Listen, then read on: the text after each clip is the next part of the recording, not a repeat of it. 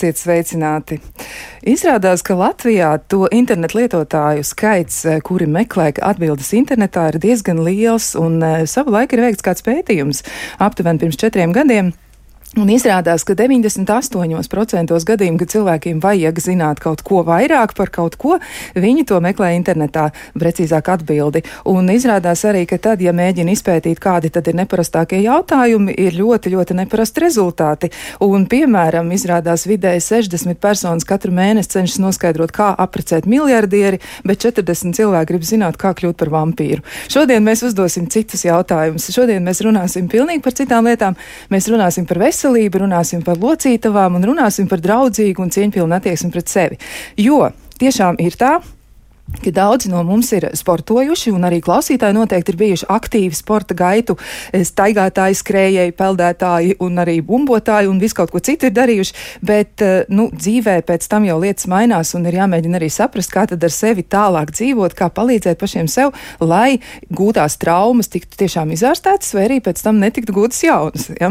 Lūk, un tāpēc arī esam šodien nolēmuši parunāt par to, kā tad um, palīdzēt pašiem sev, kā izvēlēties saudzīgākus sporta veidus un kā kā palīdzēt savām locītavām. Galvenokārt vairāk par to.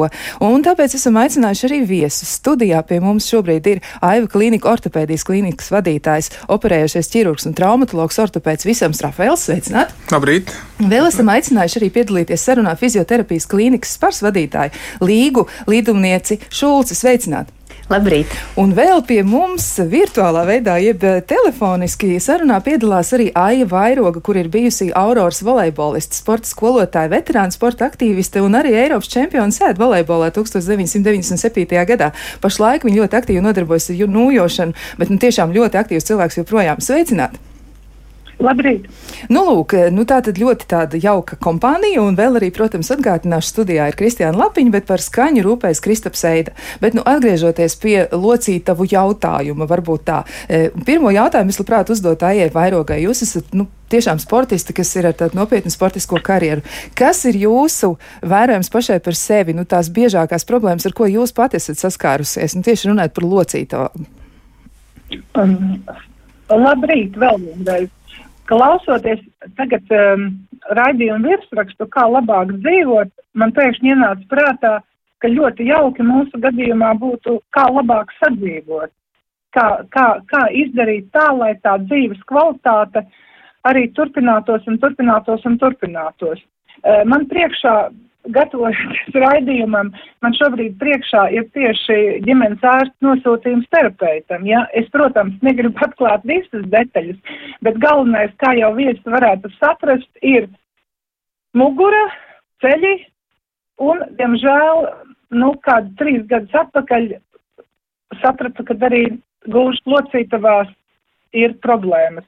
Visi šie rādītāji ir pietiekoši objektīvi, tā nav vienkārši tikai parunāšana, tie ir engenoloģiskie izmeklējumi, tie ir tātad, un, un tātad, kā jau jūs teicāt, es biju ļoti, nu, aktīva visu, visu laiku, bet, diemžēl, tāpat kā daudziem citiem maniem kolēģiem un cīņu biedriem, nu, lielais sports nav bijis veselību veicinošs pasākums. Tā kā šobrīd man jau ir 62 gadi, tad varbūt jūs varat saprast, ka vislielākās slodzes tātad tie ir 80. 90. gadi, kad nebija ne tādu varbūt apavu, ne tādus arī varbūt treniņu metodus, un slodzes šajā laikā bija milzīgas, un, un tās, protams, nevar nu, palikt bez, bez tādām redzamām sekām.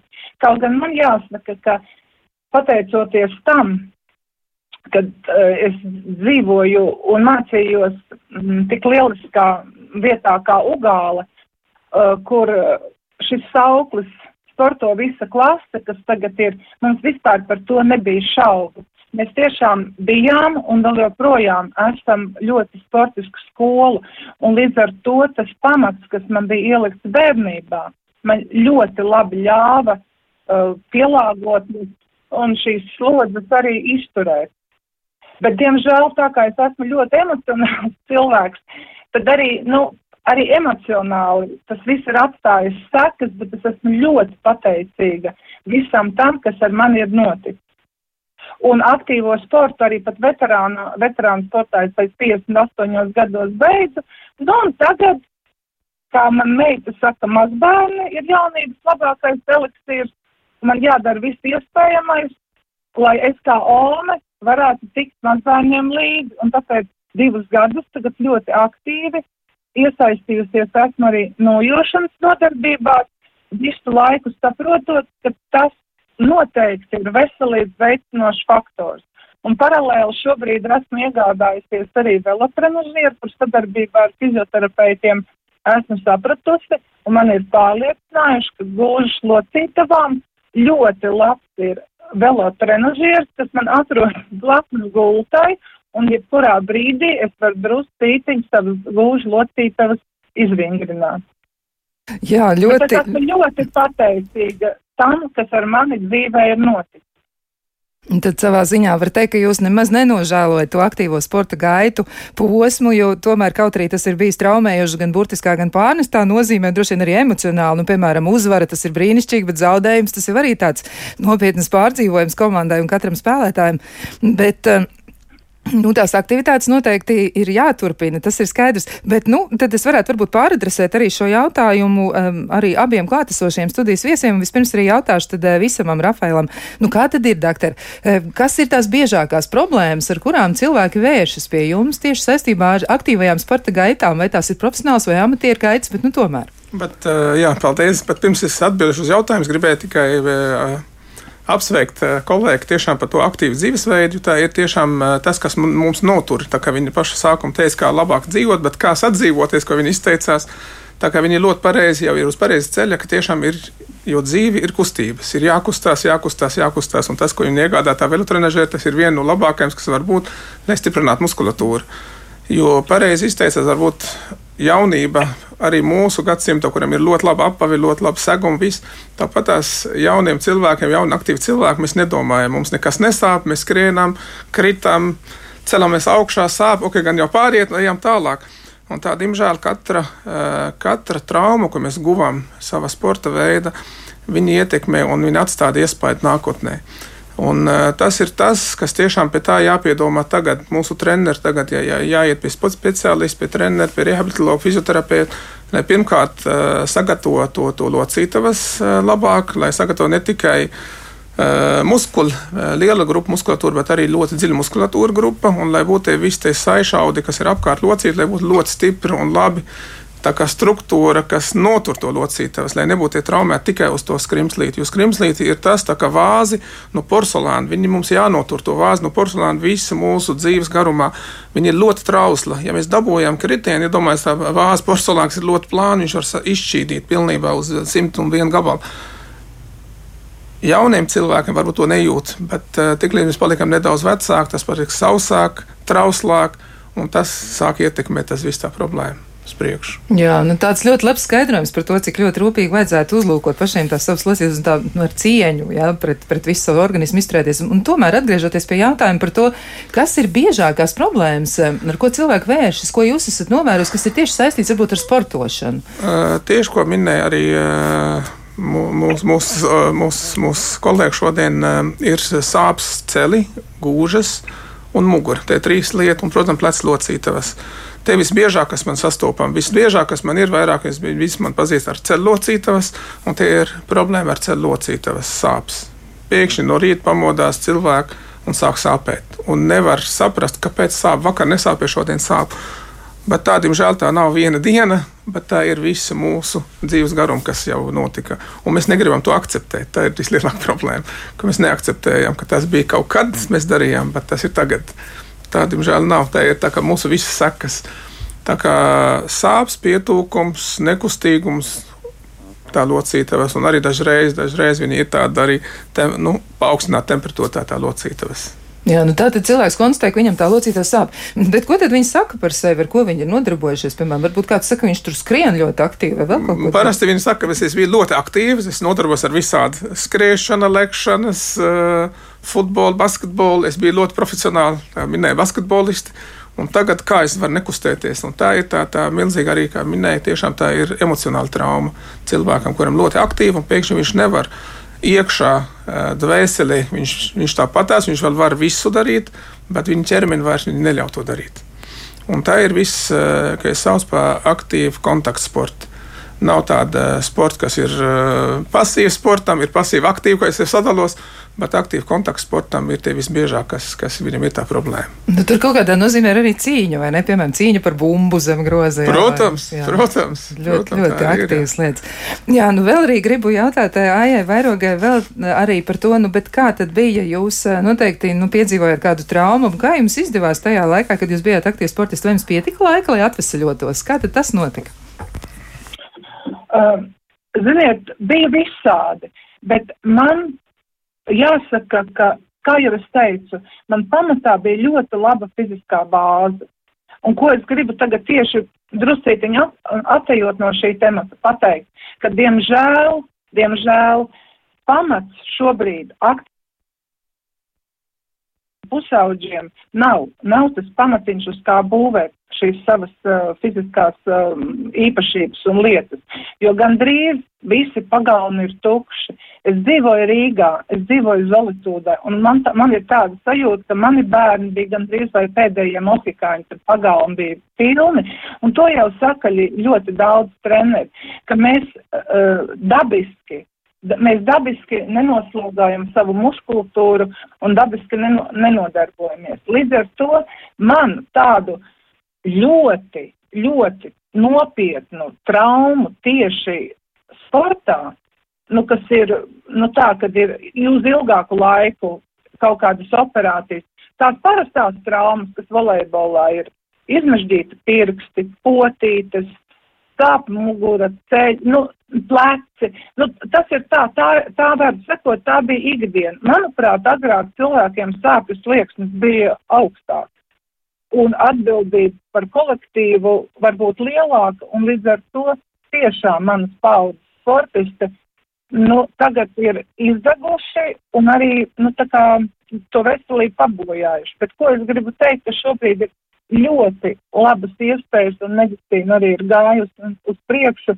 Un ja cilvēks meklē šo palīdzību, mums ir ļoti labi doktori, ļoti labi fizioterapeiti. Ja cilvēks meklē šo palīdzību, var atrast arī risinājumu. Jā, tā ir laba ziņa. Nu, un te arī, protams, jautājums uzreiz eh, fizioterapeitam. Jā, tā tad Līga Lītumniece Šulce, nu, ko jūs teiksiet, kas ir jūsu prakses eh, novērojums, ar kādām problēmām cilvēki bieži vēršas pie jums? Uh, noteikti piekritīšu kolēģim. Ja tas ir jautājums par sportu, tad visbiežāk tās ir, nu, ja mēs arī runājam par locītavām, tad sāpes ceļos, sāpes plecos, kas, protams, cilvēks pamatā to identificē kā ķermeņa zonu. Bieži vien tas var būt nevis saistīts tieši ar pašu locītavu, bet varbūt ar jau muskuļu struktūru vai locītavai blakus esošo kaut kādu struktūru, kas nu kuram. Um, arī ar muguras sāpēm. Mūsu praksē gan biežāk ar muguras sāpēm drīzāk nāk tie, kuri pārāk maz kustās. Bet nu, arī, protams, no sportiskajām gaitām arī ir mugursāpju pacienti. Pie mums varbūt mazāk, retāk vēršas tieši tādu akūtu traumu uh, pacienti, jo tos arī mēs uzreiz sūtām. Uh, nu, mums kā fizioterapeitiem tajā brīdī ir varbūt mazāk iespēja palīdzēt. Tur tiešām ir traumatologs, bet tad, kad tā ir jau tāda pārslodzes tipa trauma vai kas ir ilgstošā laikā krājusies, tad, tad pavisam noteikti jā, tā, tādi pacienti pie mums daudz vēršas. Nu, un vēl, ja mēs domājam tieši par to sporta veidu, ko viņi ir izvēlējušies, ko jūs domājat vispār par uh, izvēlēm? Nu, vai cilvēki ir pietiekami informēti, vai viņi saprot, ka ir nu, kaut kas nu, vairāk jāzina par to? Viņš, piemēram, izlēma, nu, viss tagad es skriešu, viņš tiešām zina par to skriešanu pietiekami daudz? Mm -hmm. um, mana tāda uh, personīgā profesionālā nostāja ir uh, par to, ka nav nepareizs sporta veids, ko tu vari izvēlēties, uh, un tu īsti varbūt arī nevari tā ļoti nepareizi kaut ko darīt. Uh, jā, ir kaut kādi faktori, kuri uh, palielina risku vai samazina šo risku, uh, dabūt kādu traumu, bet ļoti patika kolēģis Aijas komentārs par tādu vispārējo kustību, kura ārkārtīgi iztrūks. Tad es priecājos par katru, kurš dara kaut ko. Tā kā, nu, tas būtu jau tāds primārais.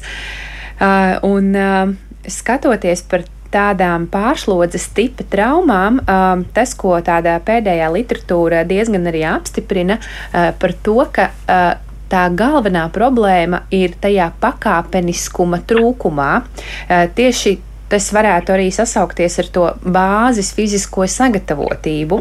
Un, mums katram tā ir kaut kāda citādāka. Un, ja, piemēram, jūsu piesauktā skriešana, tas ir ļoti biežs novērojums, ka nu, tāds vidēji, vidējas fiziskās sagatavotības, vai varbūt pat nepārāk labas fiziskās sagatavotības cilvēks domā, nu, forši tā kā es tagad varētu sagatavoties, es izdomāju, ka man vajag dzīvot veselīgāk un es sākšu skriet. Un tā mm, sirds izturība, viņa progresē ātrāk nekā mūsu uh, locītavas kauli, uh, muskuļu audi, viņi spēj tam pielāgoties. Un eh, tas ir ļoti biežs iemesls, eh, kādēļ eh, dabūna traumas. Jo, nu kā, nu es taču varu, es varu noskriet vēl vai ilgāk vai ātrāk, bet tā locītavas struktūra tam nav ilgtermiņā adaptējusies, un tā, tas progress ir pārāk strauji priekš šāda gadījuma. Un tas ir tāds ļoti tipisks novērojums. Un Jā. skriešana ir bieža tādēļ, ka viņu bieži izvēlās kā nu, relatīvi iesācējs, eh, jo viņi ir viegli pieejami. Tādēļ arī uh, tas varbūt tā skriešana pati par sevi nav tā vainīgā, bet viņa ir populārāka nu, tādā mm, sabiedrībā. Jā, nu, sabiedrības eh, dzīves stils ir mainījies, tas, protams, tā ir, bet mēs arī nevaram taču teikt, ka aktivitāte būtu gājusi mazumā, jo viena no klausītājiem arī atzīmē, ka tas tā gluži varētu arī nebūt, jā, ka Nu, ka, ka, ka kādreiz viss bija labāk, un tagad nav tik labi. Ja? Nu, tomēr ir pietiekami daudz aktīvu cilvēku, arī bērni, arī jaunieši, un arī jau cilvēki pieaugušā vecumā, kas ir aktīvi. E, kā jūs domājat, vai jūs piekristu tam, ka, ka tā kā teica. Jā, ir vairāk, ka bija labāk kādreiz. Ja? Nu, man liekas, ka. Es, es atvainojos visiem. Es neteicu, ka kādreiz bija labāk. Es teicu, ka mēs pamatu bāzi kādreiz sevišķi laukos, mēs viņu dabūjām dabiskā veidā kustoties, ejot uz skolu ar kājām, nākot ar kājām atpakaļ no skolas. Šobrīd jūs paši redzat, kāda ir situācija. Bērns tiek aizvest uz skolu, viņš tiek savāks. Es runāju nevis par to, ka kādreiz bija labāk, kad, bet kādreiz vairāk cilvēki kustējās. Ja mēs paskatāmies, kādi ir bērni, superīgi, man ir trīs mazbērni, viņos ir kustību prieks. Un tad mēs kaut kādā veidā, sevišķi jauniešu un pusauģu vecumā, šo kustību prieku nonivelējam. Es esmu strādājusi skolā 20 gadus. Man nav, es nevaru pateikt procentos, bet es esmu objektīvi redzējusi, ka fiziskā pamata, fiziskā sagatavotība, pamata bāze, viņa lielos vilcienos ir zemāka. Es nerunāju par skolām, kas ir laukos, kur es pati esmu izgājusi cauri. Es runāju to, ko es savā darbā 20 gadus vērojot jauniešus pēc 9. klases esmu redzējusi. Jā, paldies! Man mm -hmm. ir ļoti liels lūgums vecākiem. Es tiešām nesaprotu, vai vecāki, paskatoties uz savu iztīdzējošo vai korpulento vai kādu pusaudzi, nesaprot, ka nevar bāzt galvu smiltīs, bet šis jautājums ir jārisina un šobrīd ir speciālisti. Tikai, diemžēl, cilvēki ir slinkāki. Un tas, ko jau pateica fizioterapeits, nav kampaņa. Ja mēs gribam saglabāt to veselību, vai vismaz to jaunieci sagatavot, tad regularitāte un darbs, tas nav vienas dienas jautājums. Tā ir ikdienas lieta, tāpat kā mazgāšanās, zobtīrīšana, tā ir higiēna. Diemžēl mums skolā nav veselības mācības. Rīgā ar sporta bāzēm un skolu sporta zālēm, kur saliek divas, trīs klases kopā, tas viss ir par maz. Ir jābūt arī vecāku un pašu jauno cilvēku atbildībai. Tas ir tavs ķermenis un tava veselība. Jā, paldies par šo precizējumu. Tā tiešām ir, jo man jau arī šķiet, ka nu, tas nav gluži par to, kā bija kādreiz un kā ir tagad, bet tas ir par dzīves stila un jā, jā. dzīves, dzīves nu, veida ietekmi uz to, un tas būtu jāpaturprātā. Un te nu gan tiešām Aijai Vairogi ir absolūta taisnība. Bet, ja mēs domājam par to, ko vispār ir iespējams izdarīt ar locītavām vai, teiksim, ar savu ķermeni, ja tā trauma tomēr ir bijusi, tad kas ir tās mūsdienu medicīnas iespējas, ja mēs mēģinam pievērsties arī tam, ko tad var izdarīt? Jo cilvēkam tiešām nu, var būt nopietnas problēmas, ko tad jūs varat? Protams, tagad, tagad kā, kā minējām, ka medicīna ir diezgan daudz attīstījuša. Pirmais ir pareizi diagnoze, pareiz diagnoz, kas tā par problēma, vai tā ir saistīta ar saišaudi, vai tā ir tiešām saistīta ar tam skrimslīti iekšā, vai tā ir saistīta ar kaulu struktūru. Pateicoties kodola magnetiskā rezonanse, kas ir mūsu, mūsu gadsimta, un tā ir ļoti liela izšķirtspēja, pat reiz mēs varam nonākt pie ļoti pareizas diagnozes un kur tā problēma ir īpašiem jauniem cilvēkiem, kuram ir eh, pēc trauma rezultātā dabūjusi krimsas bojājumu. Patreiz, protams, ja ir krimsas bojājums, kā es tikko minēju, ka tā vāze ir vispār ir saplīsusi. Protams, ja mēs neko nedarām, tad viņi tā plaisa aiziet tālāk, un tā locīta ir pilnībā ir, ir beigta pēc kāda laika. Eh, mūsu gadsimtā, varreiz pateicot izmeklējumu, diagnozi ļoti ātri diagnosticēt, tam, tam problēmām varam nonākt līdz skrimsas aizvietošana. Vai to pašu skrimslīti uzlikt mākslīgas skrimsas vietā, vai, liekt, vai, vai, vai to pašu skrimslīti pielīmēt klāt, un tad uzaudzināt vispār jaunu tās skrimsas, kas ir ļoti būtiski priekš nākotnē ietekmē tā locītavas. Vai ja tā ir, piemēram, saišu problēma, tad uzreiz atjaunot to saiti, vai tā ir tās amortizējuša struktūra, kas ir meniskam, sašūt vai likt jaunu, vai, vai likt jaunu, jaunu, jaunu tam meniskam. Protams, tā medicīnas ir ļoti, ļoti daudz attīstījuša. Un tā, ja mēs runājam par tiem jauniem cilvēkiem, kuriem ir tā problēma, akūta problēma, uh, nedaudz problēma, ja ir hroniska problēma, vai kā sākās saucās, ka lēnā garā mūsu dzīves gaitā sāk nodies tā locītavas, ja mēs arī not, no, apturam to procesu vai diagnosticējam to procesu pašā, pašā sākumā, Protams, ir dažādi uh, manipulācijā, medicīnas manipulācijā, kas ir injekcijā. Uh, ar dažādām uh, produktu, ko var arī apturēt to procesu un dot barošanu tam skrimslītam. Protams, te, te neiet runa, ka viņš, mēs atjaunojam atkal vispār jaunu tādu locītu, bet apturam tur, kur viņš ir, lai viņš neattīstās uz priekšu tā problēma. Jā, bet jūs teicāt, nu, piemēram, var atjaunot saites uzreiz, nu gluži jau tā uzreiz viss vesels nebūs. Tad cik, nu, katrā gadījumā, nu, vismaz dažus piemērus varbūt jūs varat dot par to, cik tomēr laika tas aizņem, jo arī, nu, sabiedrības nostāja tāda, ja mums vajag tevi atpakaļ, nāc uz darbu, ja un tev iespējami ātrāk ir jāsalabo sevi. Nu, cik laika tas prasīs? Jā, bet tas atkal atkarība, kas, kas tā ir pa darba vietu. Es arī vienmēr arī jautāju pacientam, kas, kas viņš ir, par ko, kā, kā tālāk pēc tā operācijā, kas viņš ir. Ja viņš ir profesionāls sportists, vai viņš ir uh, oficiāls darbinieks, vai viņš ir krā, krāvnieks. Nu, ir ļoti dažādi, bet ja mēs runājam tagad vispārējā. Ja, Bet cik mēs saskāram ceļu locītājos, ja ir piemēram krustniskā saite, kas dod stabilitāti locītājos, tā krustniskā saite atjaunošana ar rehabilitologu, ar ļoti labu rehabilitologu programmu, tad ir seši mēneši, kad viņš atgriezīsies savā atkal ierastā sporta aktivitāte dzīvē. Nu, rekā, seši mēneši, tas jā. nav viens, divi, trīs, jā, un, un uzreiz gatavs. Tā ir, jā. Tā ar to ir, ir jārēķinās. Plecam varētu vilkties vēl vairāk, ja ir plec, plec saišu bojājumi pēc atjaunošana, bet atkal es gribu te uzsvērt ļoti lielu. Uh, punkti ir fizioterapeisti. Ja pacienta nav gatavs pēc operācijā aiziet pie rehabilitologa, fizioterapeiта, strādāt ar muskulatūru, tad tā operācija ir neveiksmīga. Jo tā operācija ir tikai tā tehniskā lieta, kas ir salabot, salikt, un viss. Bet to vajag viņi, lai strādātu, lai iedarbinātu, lai stiprinātu visu tā muskulatūru. Jo tā operācija ir vēl viena trauma, jo pirmā trauma pacienta iegūtajā trauma rezultātā, daļā tā trauma rezultātā viņš dabūja to plīsums Nākošā trauma viņš dabūja manā operācijas zālē, kamēr es dabūju visu izņemt ārā, saskrūvēt, salikt. Izurbt, viss ir ok, un tā ir vēl lielāka trauma. Un to abas traumas sasumējot, sasumējot tā pacientam pats par sevi viņš nevar, atk viņš nevar atkopties. Ļoti daudz es dzirdu, doktori, es to daru mājās. Mājās tas nedara. Jo mēs sevi žēlojam vienmēr, ja ir sāpes, tad, ah, nu, labi, rīt es to izdarīšu. Rīt ir lielāka sāpe, nu, labi, tad varbūt nākošais nedēļa. Un tā vilksies Viņš atnāca pie, pie, pie, pie maniem uz konsultācijām, un es redzu, ka tur nav nekāda progresa vispār. Tie ir regresi, vairāk var teikt. Jā, un tas arī varētu aizvest vēl pie vienas lietas, pie izglītošanas, jā, un tad pie tā, cik daudz cilvēkiem vajadzētu zināt pašiem par sevi, par savu ķermeni. Jo pirms traumas gūšanas, vai tajā arī pirms, jā, nu arī te jāpiekrīt Ejai Vairogai, jo viņa teica, ka, nu, acīm redzam pietrūkst zināšanu cilvēkiem pašiem par savu, savu ķermeni, veselības mācību skolā iztrūkst, un tā ir nopietna problēma. Šķiet, ka tas tiešām atstās iespēju ne jau tikai uz tiem cilvēkiem, kas šobrīd mācās skolā, bet arī vēl uz citām nākamajām paudzēm, ja tas tā būs.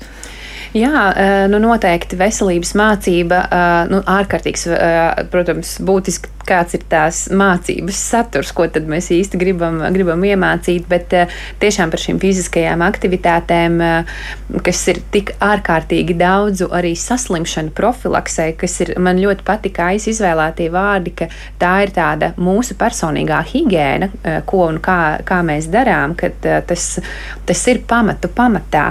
Tas jau arī, ko es minēju par šo nu, tādu pakāpeniskumu, un vai, vai jā, ja tas ir no pašas bērnības, tā kā visu laiku šī fiziskā aktivitāte ir saglabāta, tad tā bāze būs un tā iespēja kaut ko sabojāt vēlāk ir, ir krietni, krietni mazāka. Nu, kad, jā, tas, tā fiziskā aktivitāte šajā kontekstā noteikti ir pamatu pamatā. Un tad mūsu kaut kādi individuālie, fizioloģiskie vai iedzimtie faktori, tā īstenībā ir tāda viena maza, maza daļiņa. Pat ja mums tādi ir, mēs to diezgan veiksmīgi varam arī nu, maksimāli minimizēt to spēju, da, nu, to iespēju dabūt traumu, ja nu, tā aktivitāte ir bijusi visu laiku. Jā, tā tad tā ir visu laiku arī jāuztur. Nu, vēl tad gribētu pavaicāt vēl Aijai Vairogai arī izmantojot iespēju, ka viņa vēl ir kopā ar mums. Mēs esam sazinājušies ar viņu, tad nu, tāds varbūt jūsu novēlējums, ko vajadzētu varbūt ievērot tiem cilvēkiem, kuri tomēr grib grib saglabāt fizisko aktivitāti un grib eh, nu, būt joprojām veselīgi, kas ir tas, ko jūs viņiem teiktu? Nu, tāds pats pats galvenais. Es šobrīd viņiem teiktu, ka, ja mēs esam sasnieguši arī tos 60 plus, un pie, tā kā man tagad, es, es, tad, kad es sportoju, es domāju, ka man iznesīs ar kājām pa priekšu no veterāna sporta. Bet tad, kad es sapratu, nu, ka tomēr tas vairs nesagādā prieku un gandarījumu, tad man pavērās pavisam cits ceļš. Un tieši pandēmijas laikā es paskatījos ļoti daudz dažādu vingrinājumu, tieši ko var paskatīties un arī piemērot sev, bet izmantojot izdevību. Es gribētu, sevišķi tie, kas ir rīznieki, ir veselīgs rīznieks veselā Rīgā, 55 plus lieliski vēl šo, šajā gadā lieliski pasākumi, ko var izmantot un kur var piedalīties. Un arī ieskatīties Latvijas Tautas sporta asociācijas mājaslapā sports visiem, kur tas ir tiešām kustīgs, aktīvs dzīvesveids, lai mēs varētu saglabāt nu, savu dzīvošanas potenciālu, savu prieku par dzīvi arī gados 60 plus un vairāk. Ļoti labi ieteikumi. Paldies jums! Paldies arī par piedalīšanos un par to, ka bijāt ar mums kopā sarunā. Un atgādināšu, ka tā bija Aija Vairoga, kura ir bijusi Auroras volejbolista. Tā ir zināma komanda, un ja kāds neko nezin par to, tad tomēr paskatieties varbūt drusciņi eh, kādus gadus atpakaļ. Arī tieši tāpat varat izmantot eh, jau iepriekš pieminēto internetu pārlūku, jebkuru un atradīsiet. Tā ir tāda liela lieta, un eh, viņi ir arī šobrīd sporta skolotāji un veterāni sporta aktīvisti. Un vēl pateikšu arī, ka ir Eiropas čempione. Es sēdu volejbolā volejbolā 1997. gadā. Tātad lieli sasniegumi. Paldies jums par to, ka bijāt ar mums kopā sarunā, bet mēs savukārt uz eh, dažādiem klausītāju jautājumiem turpināsim atbildēt pēc īsa brīža. Kā labāk dzīvot? Turpinām sarunu par to, kā sportot pareizi, kā pareizi vingrot, kā labi izturēties pret savām locītavām un kā tad plānot slodzi gan tad, kad esam pavisam jauni, gan arī tad, kad jau esam sasnieguši tādus cienījamākus gadus un arī mēģinam ietvert tematā dažādas vēl citas lietas, un, piemēram, to, cik ļoti nopietni mūs iespaido tāda ļoti aktīva sportošana, kurai tiešām ļoti daudz cilvēku nododas jaunībā, un tur ir gan adrenalīns, gan vēlēšanās iesaistīties un uzvarēt, ja tur ir daudz dažādas lietas. Un, Atgādināšu arī par viesiem. Pie mums eh, šodien ir Aiva Klinika, ortopēdijas klīnikas vadītājs, operējušais ķirurgs, traumatologs, ortopēds Visams Rafaels, un vēl esam aicinājuši sarunā piedalīties fizioterapijas klīnikas spars vadītāju Līgu Līdumnieci Šulci. Lūk, bet eh, jautājumu klausītājiem ir visnotaļ daudz, un eh, viņi vaicā dažādas lietas. Un, piemēram, viens no jautājumiem ir tāds: man ir plīsis menisks, un man sūta uz fizioterapiju. Ej jau vairākus mēnešus, taču kas notiks, ja man nebūs iespēja to apmeklēt, jo tas ir dārgi, bet bez tā sāp. Un pirms daudziem gadiem man uzreiz taisīja operāciju plīsušam meniskam, taču otrai kājai pieeja ir tieši šāda. Nu, tad varbūt fizioterapeits varētu komentēt. Mm -hmm. uh, jā. Uh, tā tendence, ko rāda arī literatūra, ka primāri, ja ir iespējams, mēs mēģinām sākumā neoperēt visu cik vien iespējams ar uh, citām metodēm. Tad fizioterapija ir ļoti, ļoti būtiska sadaļa uh, šajā uh, risināt. Uh, un, ja tas neizdodas, uh, tad mēs skatāmies to, vai, uh, vai ir nepieciešams veikt operāciju. Tā kā uh, rekur jau uh, klausītājs arī atzīmē, ka, ja apmeklējot šo fizioterapiju, uh, rezultāti ir paliek labāki, ja nav, tad nē. Uh, Tas gan būtu, uh, nav tā, ka visu mūžu ir jāiet šajā fizioterapijā. Uh, tas, ko uh, konkrētā klausītāja fizioterapeitam vajadzētu droši vien izdarīt, un, un klausītājiem jāuzdod jautājumi viņam e, par to, kā kļūt pēc iespējas neatkarīgākam no sava terapeita. Jo tāds jau arī mums terapijā ir tas mērķis. Jā, mēs jūs virzam cauri šim procesam, bet mūsu mērķis pēc tam ir panākt, ka jūs varat dzīvot pats uh, un uzturēt vai uzlabot savu uh, fizisko stāvokli spēju funkcionēt atbilstoši ikdienas nepieciešamībai.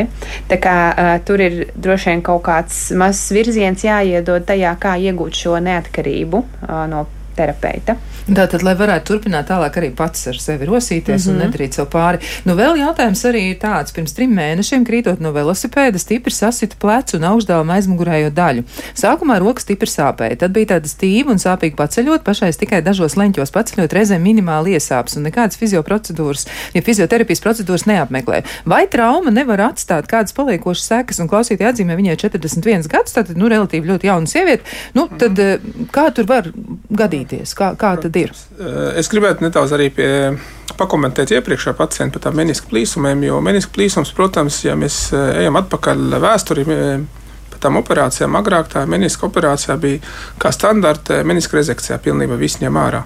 Kad ir sāp meniska, uzreiz viss ņemam ārā. Protams, tā medicīna attīstās, kā meniski ņemot ārā, mēs nonākam pie citu problēmu, ka tās krimses sāk dilst tālāk. Eh, sāk tendence, kā meniski mazāk jābūt mazāk agresīva un jāmēģina mazāk ņemt ārā. Protams, tagad pēc pēdējā un jaunākā, jaunākā informācijā, kas tikko bija jau kongresā Parīzē, jācenšas maksimāli saglabāt, cik mēs varam iespēju ar to menisku iekšā, jo tas ir ļoti, labs, ļoti nepieciešams struktūra locītavas. Jāmēģina viņas sašūt, ja ir iespējams, jāmēģina vispār neoperēt, ja tas ir iespējams. Un, protams, menisks sadalās dažādi veidi, kā viņš ir saplīsis, kā jau minēju iepriekšējā sarunā par tām kodolmagnētiskā rezonanci izmeklējam, mēs norādām, kurā vietā tā meniska ir plīsa. Un, ja mēs sadalām tā meniskam uz dažādām zonām, balta, sarkana un uh, rozā zonā, kurā vietā viņš ir plīsa, un attiecīgi, ja viņš ir Sarkana zona var arī tiešām un tikai intrameniskālais, tad var arī neoperēt un tiešām ir rehabilitēt. Tāpēc arī tā jautājuma nav, jā, nav balts un melns. Tiešām ir jārunā ne tikai ar fizioterapeitu, bet arī ar ārstu un jāparāda pacientam, kur viņš ir un ko mēs gaidām. Protams, meniski viņš nesadzīs pilnībā simtprocentīgi kā bija, bet vismaz viņš saglabā iekšā locītavas, nesāp un kalpo priekš nākotnē. Piedod, tas bija tā kā atbildes uz iepriekšējo jautājumu. Paldies, paldies, bet šis precizējums bija nepieciešams. Tiešām un, tā ir. Runājot par to nākošo jautājumu, kas ir par plecu traumu, kuram pacientam tagad atzīst, ka viņš ir visi labi un viss ir ok. Protams, prieks par to, bet, kā jau minēju, katra trauma, diemžēl, atstāja tādu iespaidu uz nākotnē. Jebkurā gadījumā tas būtu vienkārši vēlams aiziet pie, pie traumatologa, lai, lai, lai pameklētu, izmeklētu to, to plecu kārtīgi, jo kā jau minēju, tā katra trauma ir kaut kāda ieplīsa, ieplaisums, kaut kāda var, varbūt es ceru, ka nav. Skrimslīti, varbūt kaut kāda problēma ar mazu saiti, īpaši plecam, ir ļoti simperlīga tā, tā locīta, kur ir vairākas tā daudz saiti ir iesaistīti. Un tikai tad pieņemt lēmumu, vai kaut ko vajag darīt vai nevajag darīt ar to plecu. Bet, jebkurā gadījumā, stiprināt muskulatūru plecam ir ļoti nepieciešama. Jā, nu arī dejotājiem bieži vien ir tāds traumas, ja kāja, pieņemsim, ir samežģījumi, jā, un tad ir, un, un atkārtot atkal un atkal, ja nesadziedē, tad atkal un atkal tas tā notiek. ir, jā, tā, tā, diemžēl arī ir, jā.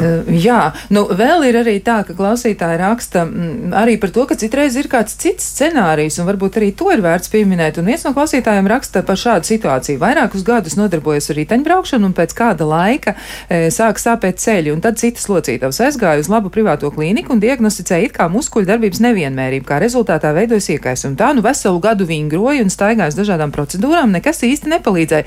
Un kad pēc gada netīšām tātad diagnosticēja laimes slimību, ja tad tā mīkla tika atrasināta. Un var gadīties arī tā, ka tur ir kaut kādi citi procesi. Nu, cik bieži tas notiek, un vai arī tur ir vērts tiešām par to padomāt, jo tā ir tāda nu, reāla tā situācija. Ir, jā, tā, tā, tā tiešām tā arī ir, un tāpēc arī viena no jautājumiem pat arī ir cita saslimšana, ne tikai tā locīta, kas ir mehāniska problēma, bet ir sistēmiska problēma, piemēram, reumatoida poliartritam, kur cilvēkam nekad nav, sada, nav dzirdējuši vai nav zinājuši.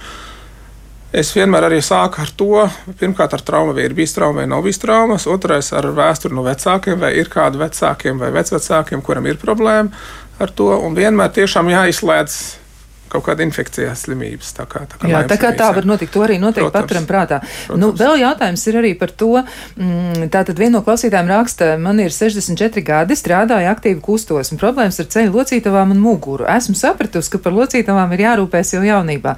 Jālieto ir locītavas uh, mitrinošas vielas, ja nu tad tas drīzāk varētu būt mm, kaut kas, ko var, nu, droši vien atrast, un, un uh, tā ir žēlēju saturoša pārtika, ja, un aptiekā ir atrodama arī uzturbagātinātāji, un tie tā īsti nepalīdz. Palīdzēja lielopu locītavu novārījums. Viens vecs kundzes ieteikums - meitiņa ēd augsto gaļu, jā, un 80 gados problēma ar locītavām nav. Nu, vai jūs, doktori, varētu komentēt šo, kā tur ir iespējams palīdzēt? Vai, vai tas strādā?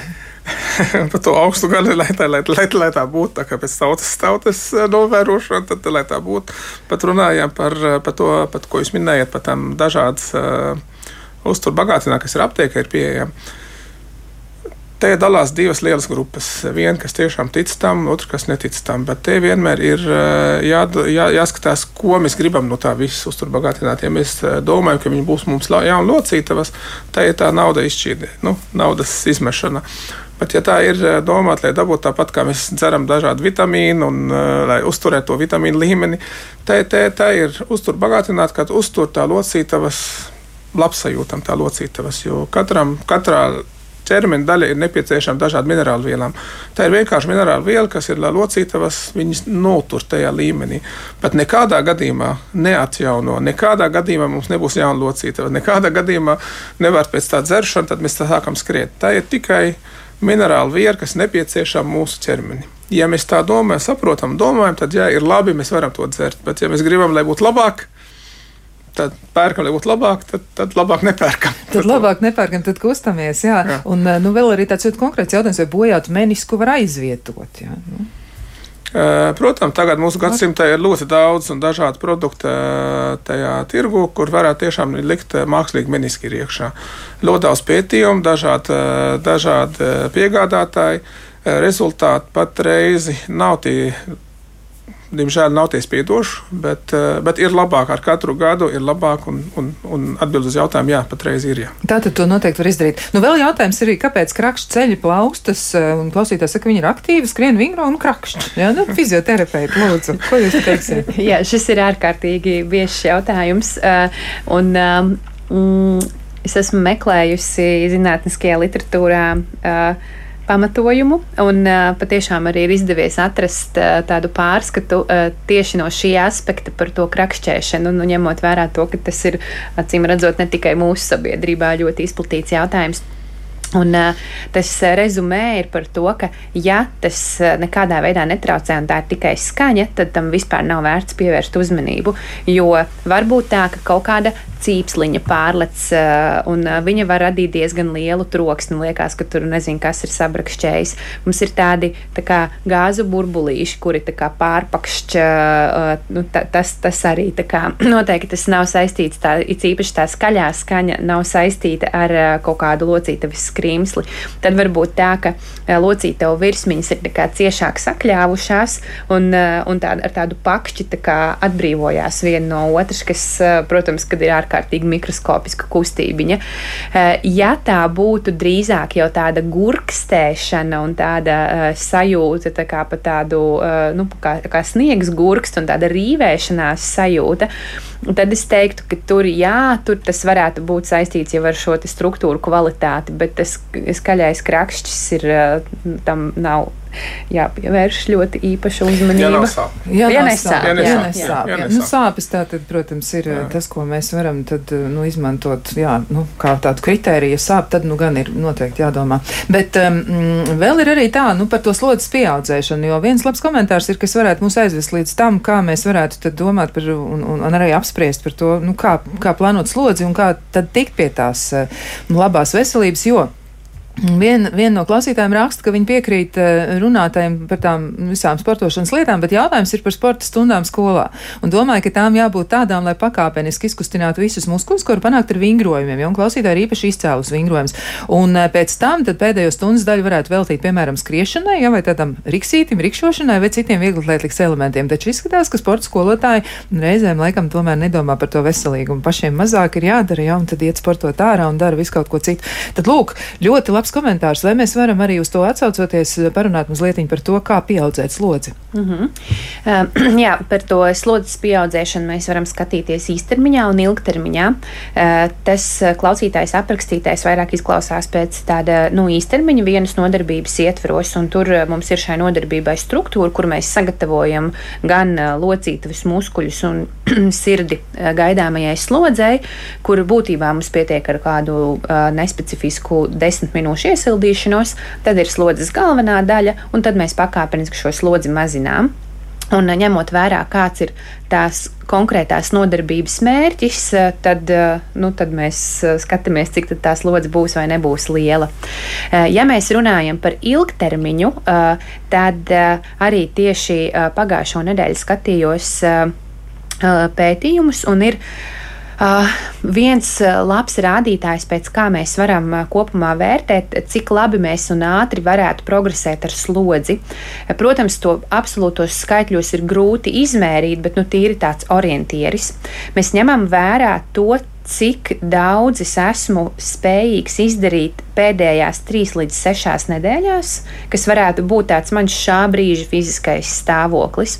Un tad pa nedēļām es varu progresēt, un tai progresijai uh, nevajadzētu būt lielākai ja es reizinu ar 1,5, piemēram, pēdējās sešas nedēļas, kaut kāds apjoms, ko es esmu darījusi, ko es spēju izdarīt, šo apjomu skatos, cik tad vidēji man nedēļā ir bijis.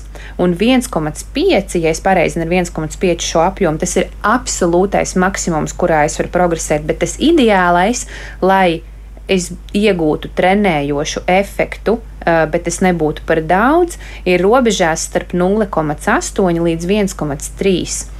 Tad apmēram nu, pēc sajūtām, nu, viss kopums, kas man ikdienā ir bijis, kā tad es varu sev būvēt to slodzi uz augšu.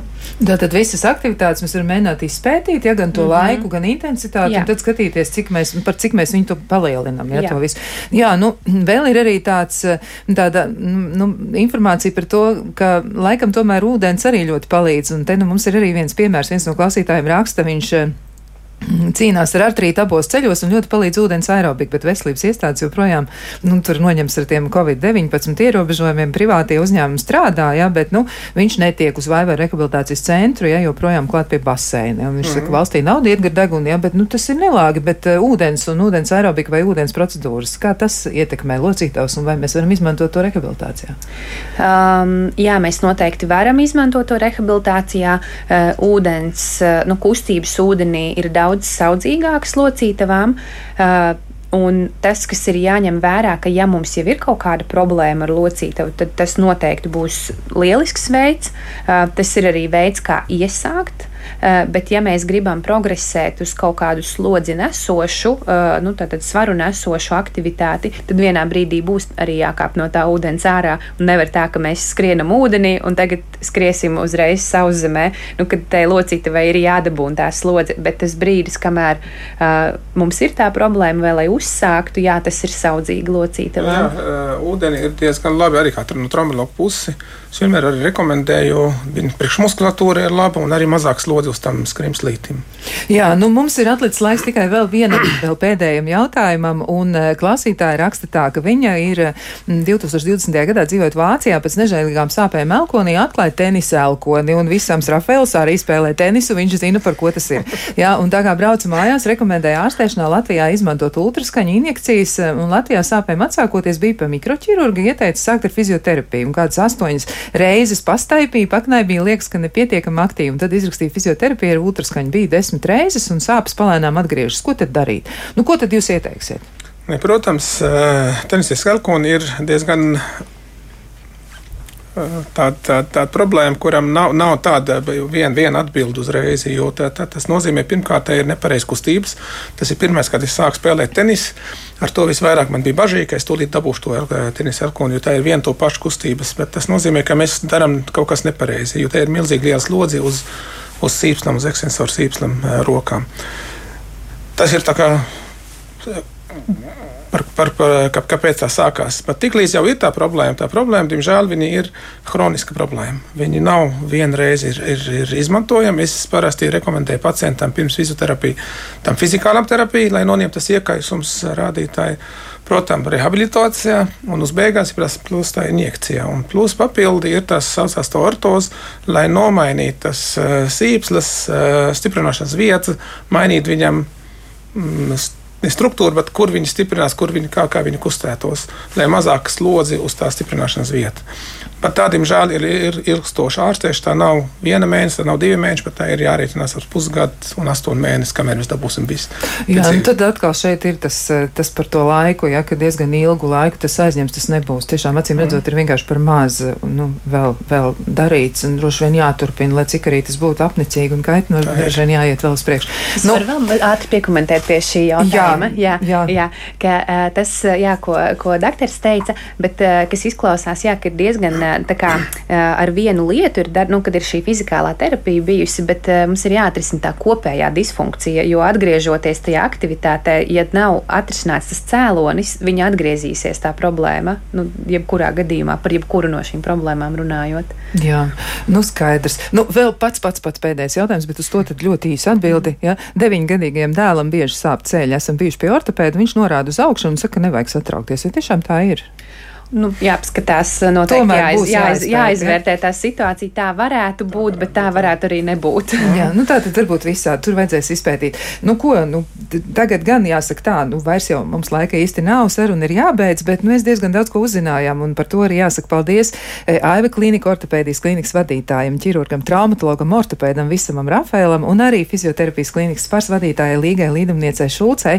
Un klausītājiem savukārt mēs varam teikt, jā, tas, ko jūs teicāt par to, ka ir vērts veselīgi veselīgi ēst, kustēties un visu laiku sevi pieskatīt, jā, lai būtu veselība. Tas ir tiesa, tas ir par tēmu, un uh, tieši tā arī var darīt. Bet rīt, rīt Elvis ar jums runāsies par to, ko tad uh, piedāvā Ceļu satiksmes drošības direkcija un Rīgas pašvaldība, uh, kas būs, nu, darāms 20. un 21. maijā meža parka lielajā estrādē, bet lai intriga saglabājas, rīt klausieties radio, un tad jau arī uzzināsiet, lai jums ir jauka šī diena un lai viss izdodas. Tiksimies kādu citu reizi.